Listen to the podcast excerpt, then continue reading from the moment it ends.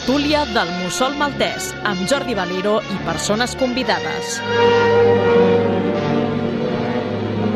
Bienvenidas y bienvenidos a la tertulia del fascículo 007, hoy en castellano, porque nos acompañan dos especialistas del mundo de James Bond que saben mucho de la gente 007, pero nada de catalán, así que vamos a lo que vamos.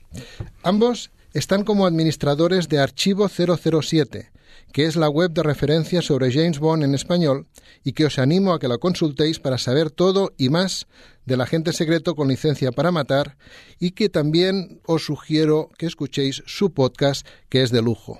Ellos son Eduardo Jiménez, un zaragozano estudioso del mundo de James Bond, del que ha escrito artículos, impartido charlas y colaborado en un libro sobre el agente 007, además de haber expuesto objetos relacionados con la criatura Diane Fleming. Hola Eduardo. Hola, ¿qué tal? Saludos a todos y encantado de hablar con vosotros justito que se ha cumplido el 70 aniversario del nacimiento de James Bond. Exactamente. Y también tenemos a Gonzalo González Laiz, profesor de lengua y literatura en León y crítico de cine. Ha publicado varios libros de cine y suele hablar del séptimo arte en Onda Cero León y también en el Diario de León. Además, escribe semanalmente una columna sobre cine negro en el taquígrafo.com. Bienvenido, Gonzalo. ¿Qué tal? Muchas gracias por invitarnos y, encantado de estar en, el Musol Maltés, además, que te puedes imaginar, me, hace mucha ilusión el halcón maltés. y, bueno, si es para hablar de James Bond, más todavía, porque es una de, mis especialidades. Ya ves que tuve que poner Musol porque el, halcón me lo habían, me lo habían quitado ya. Y también nos acompaña Joan Pastor, colaborador habitual del programa, fotoperiodista y divulgador en el Centro de la Imagen y la Tecnología Multimedia de la Universidad Politécnica de Cataluña. Hola, Joan. Muy buenas, es un reto estar hoy aquí con, con Bon, con Fleming, compartiendo. Muy bien. Bueno, antes de empezar, he de confesar que en el fascículo 007 se me colaron dos gazapos. Os dije que GoldenEye, además de ser una misión secreta, el nombre de la casa Diane Fleming en Jamaica y el título de una de las películas de la franquicia era también el nombre de una novela. Y es un error. Fleming no escribió ninguna novela titulada GoldenEye. Os hablaba de GoldenEye y el pensamiento se me fue a Moonraker. Y el segundo gazapo fue otorgarle Guerra y Paz a Dostoyevsky, cuando todos sabemos que la escribió Leo Tolstoy. En aquel momento me vino a la cabeza crimen y castigo y de una cosa me pasé a la otra. Aclarado esto, voy a romper el hielo. Os recuerdo que hace nada, el pasado 13 de abril, se ha celebrado el 70 aniversario de la publicación de la primera novela de la serie, que es Casino Royal, y que en Inglaterra han decidido conmemorarlo reeditando las novelas de Ian Fleming. Y lo han hecho con un disclaimer que dice más o menos, este libro fue escrito en un momento en el que los términos y actitudes que los lectores modernos podían considerar ofensivos eran comunes. En esta edición se han realizado varias actualizaciones manteniendo la esencia del texto original y el periodo en el que se desarrolla. O sea, han cambiado, mm, suprimido, sustituido palabras y expresiones bajo los auspicios de los novedosos comités de lectores sensibles. Bueno, pues ahí lo dejo y ¿quién empieza? Eduardo, dale tu caña, pues, empieza por ahí. tenemos mucho de qué hablar de esa censura. Bueno, eso es pura, sencilla y llanamente censura. Totalmente de acuerdo. Estamos totalmente de acuerdo, sí. A ver, una obra se crea en un, determinado momento, sus autores tienen una determinada mentalidad y las, eh, la, moral cambia con el tiempo. Entonces, pues, lo que no se puede hacer es coger y, cambiar una obra que se escribió en determinadas circunstancias para satisfacer a ciertos sectores del público actual. Entonces, pues eso es algo que se llama censura, sencillamente. Entonces, a ver, sí que se puede advertir, decir, bueno, pues eso mismo que acabo de decir, pero mantener la obra original. A ver, James Bond, por ejemplo, es machista, ¿vale? Pues es un defecto del personaje y ahí está. Analízalo, sí, sí, sí. Además, que cierta, en cierto modo, eh, esas palabras de Fleming en su momento ya están en manos de muchas generaciones de lectores. ¿no? Es como si a Shakespeare ahora le dijeras que, hablar del mar pues, pues no toca, ¿no? Es bastante increíble. Esto del, revisionismo mm, se mm, puede hacer mucho daño. Está claro que, que hay comportamientos, que hay actitudes que que hay que mejorar, que hay que cambiar, que no hay que repetir, pero eso lo que se, lo que se tiene que hacer es educar a las generaciones actuales para que no perpetúen los errores. Pero no se puede estar revisando constantemente la historia porque mm, no tiene sentido y como bien dices tú, siempre satisfará a una parte de, la humanidad, de la audiencia, pero, pero no a toda. dicho esto, mm, como que en la presentación decía que teníais eh, la web archivo 007, eh, contadnos algo, contad algo a la audiencia sobre esta web.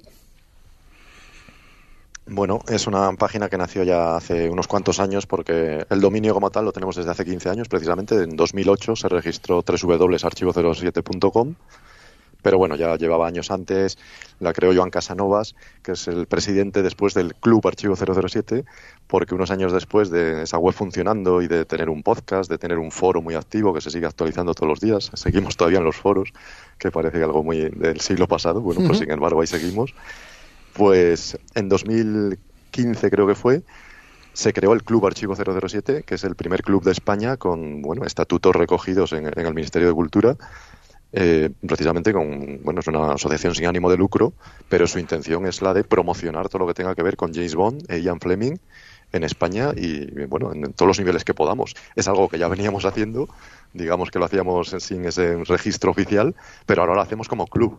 Entonces nuestra principal, digamos, mm, bueno, mm, puesta de largo que hacemos una vez al año es una convención anual en la que nos reunimos en, en verano, a final de verano aproximadamente en septiembre, y nos reunimos en Madrid pues todos los fans de España. Y, bueno, poco a poco vamos sumando gente, viene gente de toda España, ha venido gente de todo el mundo, porque hemos conseguido traer a gente desde Alemania, desde Inglaterra, por supuesto, incluso desde Brasil.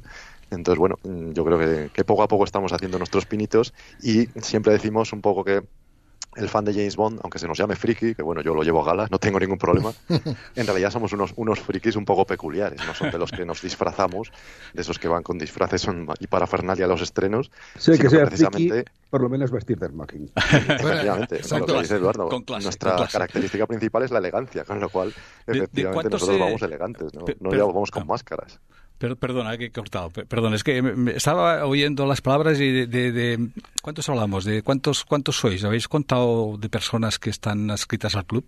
Sí, bueno, de socios va fluctuando porque se renueva cada año y estamos en unos 100, superamos el centenar más o menos, mm. según dos años va a más o a menos. Como te puedes imaginar, cuando hay estreno de película siempre se une más gente y ahora que estamos en una situación un poco así en, en stand-by, pues bueno, está un poco más bajo pero bueno, la, la, convención, que es lo que más nos gusta y lo que más nos interesa y lo, cuando mejor nos lo pasamos, nos hemos juntado unos 30, 40, 50 personas. Además debe molar mucho tener un carnet del 007, ¿no? Debe ser, ¿no? Como que vas a un sitio y te enseñas el carnet y dices, caray, este tío es algo, o esta persona, algo importante, digamos, ¿no? Yo me, lo eh, tenemos, lo tenemos. Me he permitido pasearme por la web y hay una, la parte de las noticias me gusta mucho y bueno, estáis este año, estamos, de, bueno, estáis y estamos de enhorabuena porque los Oscars han sido muy, muy Fleming, muy bon, ¿no? Y ha, ha ganado la chica asiática. Exacto. Y además Hal Berry le ha dado el Oscar a otra chica Bond, para entendernos, ¿no? Y además dos chicas Bonds que son las únicas que no blancas, ¿no? O sea, una es asiática, la otra más con origen eh, africano. Y que, son, perdón, son las dos que han ganado un Oscar. Exacto, además. Berry ganó un Oscar. Exacto, exacto, No por Muere otro día, que fue la película que estaba grabando en ese momento, sino por otra película que anterior, ¿no?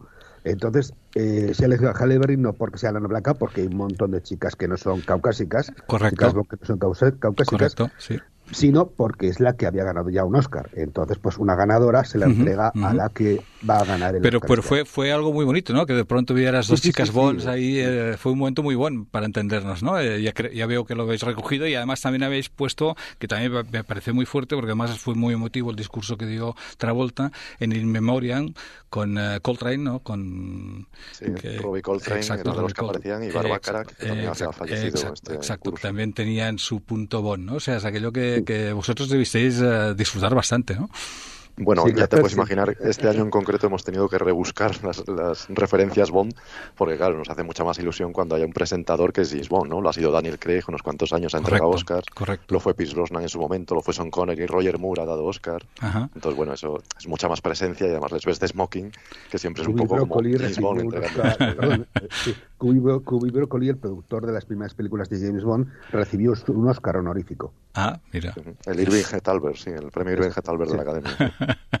sí, sí, sabía que se iba a y por completar completar, el tema. sí, sí, por completar lo que decías de, de, las chicas Bond que han ganado el Oscar, sí. son Halle Berry, uh -huh. Michelle Yeoh, sí. pero lo completamos siempre los que somos un poco más puristas con Kim Basinger, sí, que correcto. fue Bond de Nunca digas nunca jamás, correcto. y ganó el Oscar por LA Confidencial, y también, por supuesto, Judy Dench, es chica Bond, naturalmente, Judy Dench. Ahí se me y ganó escapa, el Oscar ¿ves? por Shakespeare enamorado. Ahí, Judy ahí Dench no, es- escapó. no es chica Bond, es, es, es jefe Bond, es, es el, el no Sí, va más. como exacto, exacto, llamarlo, exacto, sí. Es más, sí, cabeza. Entonces, de las, volviendo a las novelas, que, que de cine ya hablaremos en, en el próximo fascículo, que Joan siempre se me, se me Sí. Am, evidentemente, supongo que las habéis leído todas. Yo no, lo reconozco. Y lo que os iba a preguntar es, ah, ¿las adaptaciones a cine, en general, suelen ser fieles o no?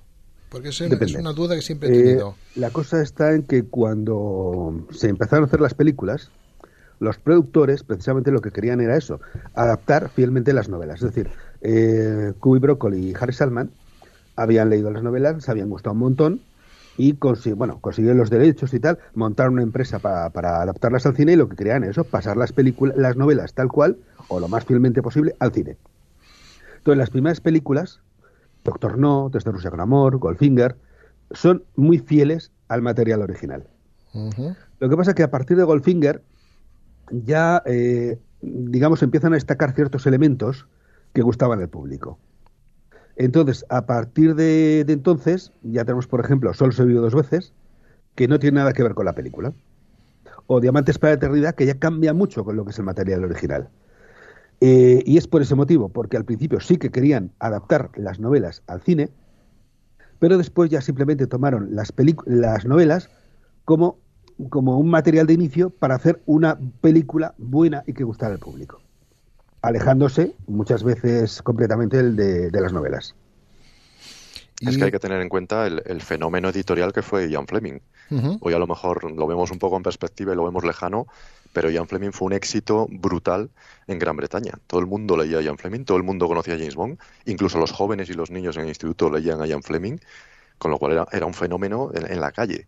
A partir de ahí, También- lógicamente, lo que también, llamaba a la eh, gente al público era Ian Fleming, no, no las Sí, sí, películas. eh, sí, también hay que decir que James Bond en ese momento, en los años 50, también estaba siendo adaptado al cómic. Bueno, no exactamente al cómic, sino lo que se llaman las tiras diarias, es decir, las, esas eh, historias que se cuentan en los periódicos, eh, dibujadas. Sí, Aquí, bueno, aquí hay chiste- los periódicos publican más bien chistes, ¿no? Pero eh, en el Reino Unido y en Estados Unidos, cada día aparecen como una tira de tres o do- una, dos o tres viñetas que día a día van contando una historia o la adaptación de una novela. Entonces, eso se estaba haciendo con James Bond. Entonces, entonces, James Bond era muy popular no solamente por las novelas, sino también por la prensa. Claro, Además- esas tiras cómicas, la, la Daily, Daily Strips llamaba mucho la atención a los jóvenes, ¿Mm? los mayores seguían a James Bond también en Playboy. Ian Fleming publicaba Sí, en Playboy sí, y alguna de sus novelas se publicó en Playboy por capítulos. Correcto. Con lo Ah. cual, bueno, estamos hablando de un fenómeno social. Y la verdad es que James Bond nació un poco de casualidad. Porque, bueno, Ian Fleming, perdón, Ian, Ian Fleming, yo tengo la costumbre a, a mal pronunciar el nombre. Bueno, Ian Fleming eh, realmente, bueno, había trabajado en temas de inteligencia, Ujú, había trabajado para la inteligencia naval durante la Segunda Guerra Mundial Correcto. y, bueno, pues ya después de la guerra, pues se dedicó a otras cosas, a, a colaborar en, una- en un periódico. Exacto, periodismo en Reuters y en Sunday Exacta- Times. sí, sí, sí, sí, exactamente. Trabajó antes de, antes de la guerra en eso. Correcto, sí. Pero el caso es que Fleming tenía una vida sentimental bastante agitada, ¿no? Y entre otras cosas tenía un amante que era la esposa de un lord británico. Y la dejó embarazada. Total, que claro, el lord inmediatamente se divorció. o tal. Y claro, pues eh, Fleming se vio un poco en la obligación de casarse con ella. Total, que bueno, pues eh, él ante esa situación estaba tan nervioso que necesitaba algo para, para despejar su mente, ¿no? Entonces, pues se puso a escribir una novela de espías. que fue Casino Royale. Ujú. Pero eh, Casino Royale, eh, él la escribió en 1951 y se publicó en el 53. Eh, entonces, él la escribió, la dejó como un poco aparcada, se casó, en fin, y, y luego, pues al cabo de un año o así, pues con un amigo suyo que trabajaba en una editorial, pues salió la conversación y reconoció que él había escrito una novela. Bueno, el amigo este, Sarah Plummer, pues le, se la pidió. Fleming no estaba muy por la labor y de hecho pasaron unos meses hasta que le envió la, la copia que había escrito. Y el otro se entusiasmó cuando la recibió. Entonces, eh, bueno, pues hubo que modificar mucho, porque claro, Fleming no era un novelista, sí que sabía, había escrito artículos, eh, era, eh, escribía muy bien temas de prensa y demás, pero para la novela tuvieron que, que, trabajarlo mucho. Y bueno, Fleming se entusiasmó tanto con el asunto que incluso llegó a diseñar la portada. La portada de la primera edición de, Casino Royale es un diseño de, Ian Fleming. Y bueno, pues eh, las cosas llegaron al punto que en 1953 efectivamente la novela se, se publicó y fue un éxito. Fue un éxito, se agotó en muy poco tiempo y hubo que hacer una segunda edición. Eran los tiempos de la Guerra Fría, ¿no? Sí, sí, sí, sí. De hecho, la novela, la primera novela, eh, que es Casino Royal, como digo, es totalmente Guerra Fría.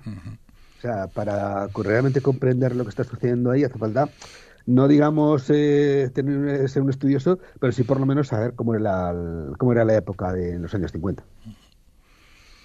Aparece ya en, Casino Royale, aparece el SMERS, que era el servicio secreto soviético, que por aquella época, por cierto, no tenía muchas noticias. El público en general no sabía muy bien de qué hablaba, pero Fleming obviamente sí que sabía, porque había estado en inteligencia y decía lo que era y lo que significaba, que por cierto significa Smiert Spionan, muerte a los espías, en ruso. Esa es la abreviatura del SMERS. Y, efectivamente, él lo defendía, decía que existía, incluso decía en qué calle estaba, porque él había estado en Moscú cuando había sido periodista, participando en un juicio, sabía muy bien de lo que hablaba, y esa experiencia militar y del ambiente de espionaje de la guerra, pues le da mucho material también para sus novelas. Desde Casino Royal, que se dice que se basa en, bueno, en una anécdota más o menos idealizada por Fleming, de que una vez estando en Estoril, durante la guerra hizo muchos viajes a Estados Unidos, entonces las calas hacían Estoril, Gran Bretaña, Estoril, luego Gibraltar también, pasó mucho por la península ibérica, por cierto.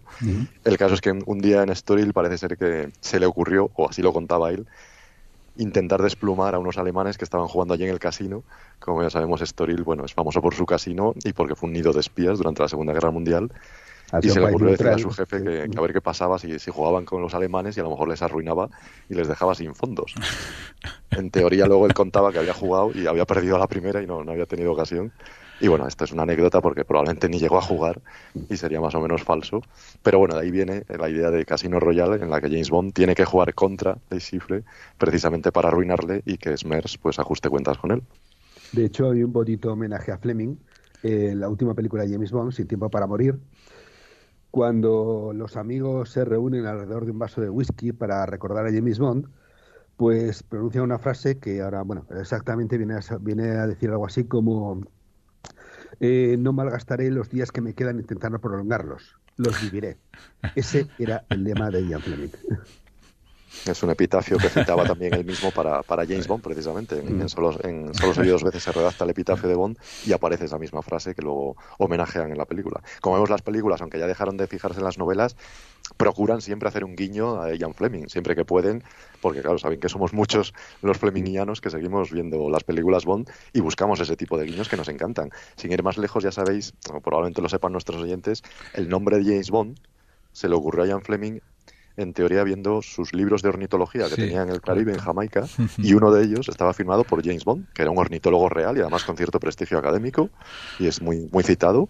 Bueno, pues dijo, le voy a poner un nombre aburrido a mi espía que no le suena a nadie nada, y cogió James Bond. Luego se lo encontró en vida, por cierto, que también es una anécdota interesante. El caso es que ese libro, El pájaros de las Indias Orientales, como se llamaba, aparece en una película Bond. En Muere otro día, pues James Bond intenta pasar desapercibido en un momento dado en Cuba y dicen, ¿y de qué te vas a disfrazar o cómo vas a ir en, esta misión? Bueno, pues coge el libro en la mano y dice, soy ornitólogo, y efectivamente se hace pasar por ornitólogo. Muy bueno, muy bueno, sí. sí, sí. Ahora que comentabais lo de lo, de, lo del guiño, porque las, las películas, las últimas películas no siguen o son guiones originales o, o, no siguen fielmente los contenidos de las novelas. ¿No siguen las novelas de Fleming? Ni tampoco los pastiches. ¿Son realmente todas guiones originales o sí siguen alguno de los pastiches? Son, bueno, salvo Casino Royal, que por razones obvias está basada en la novela de Fleming. El resto son historias originales.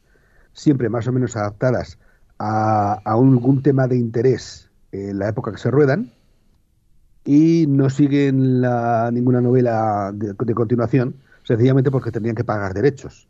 Mm. Entonces no les compensa. Bueno, y también porque su calidad es muy inferior, ¿eh? No hay nadie como Ian Fleming, esto es así. O sea, a la hora de leer a James Bond, hay que leer a James Bond de Ian Fleming.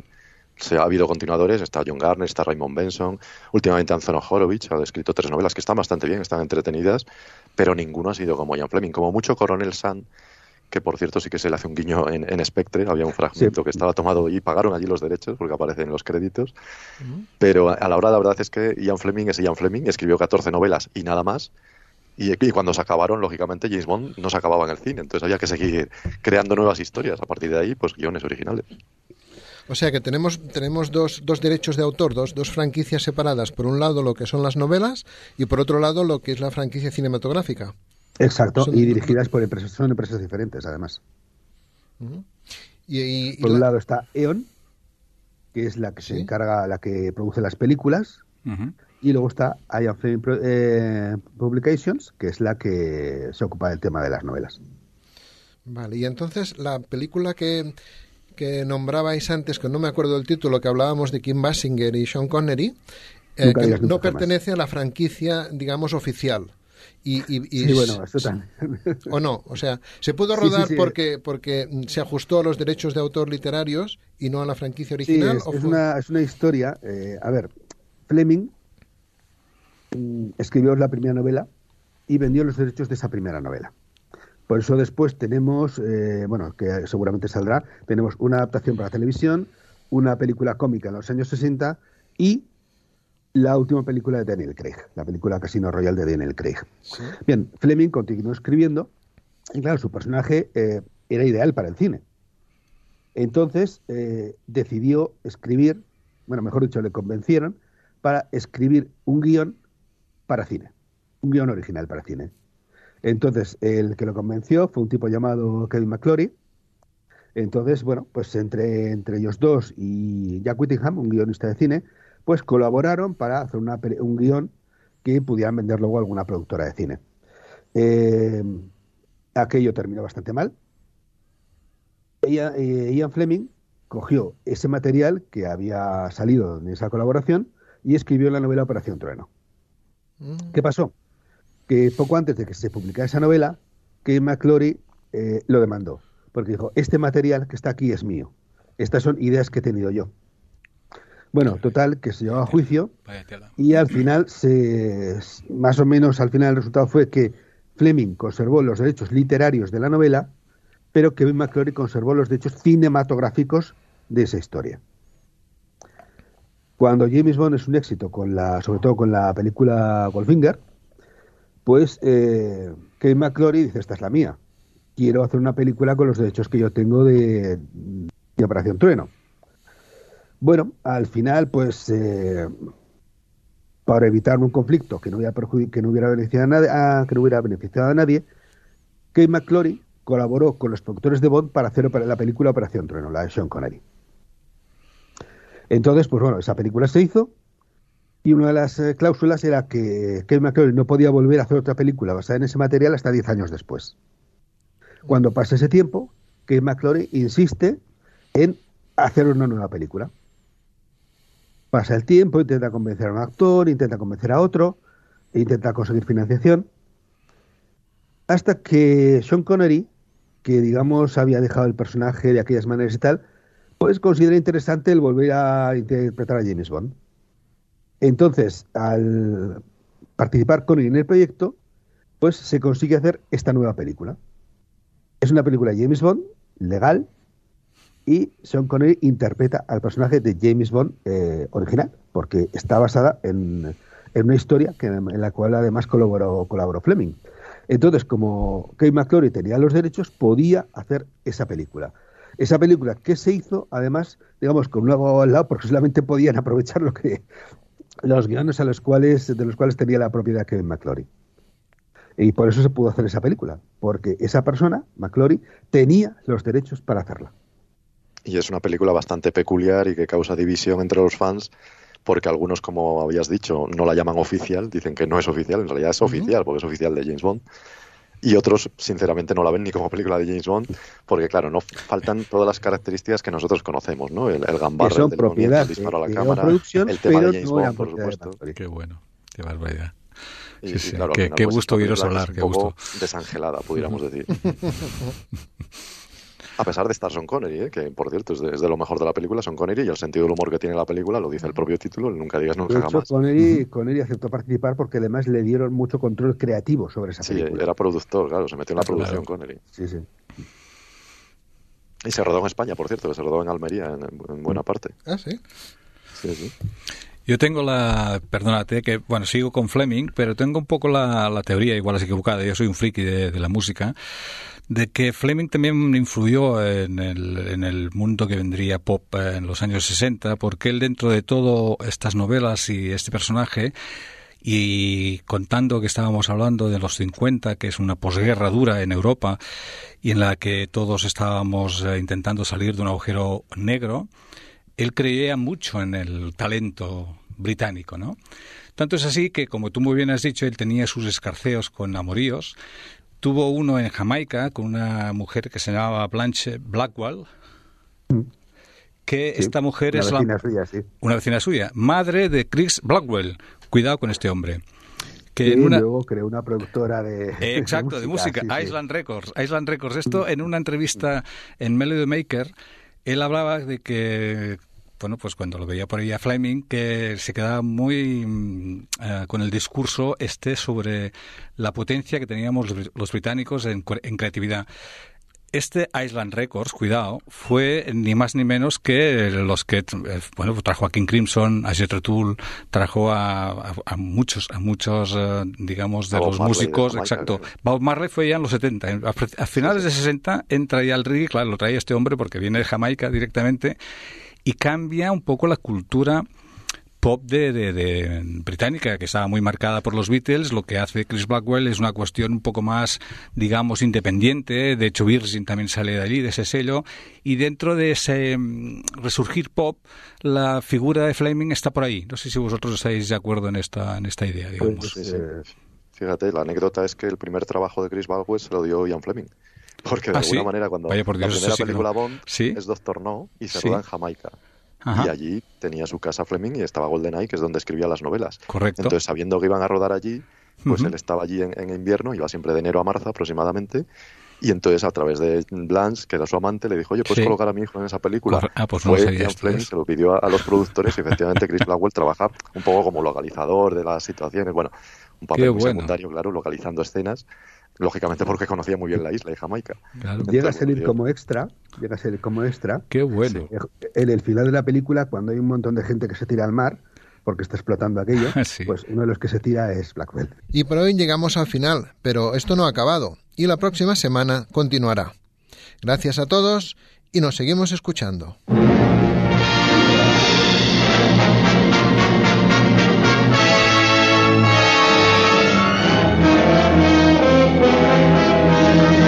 Acabeu d'escoltar la tertúlia del Mussol Maltès.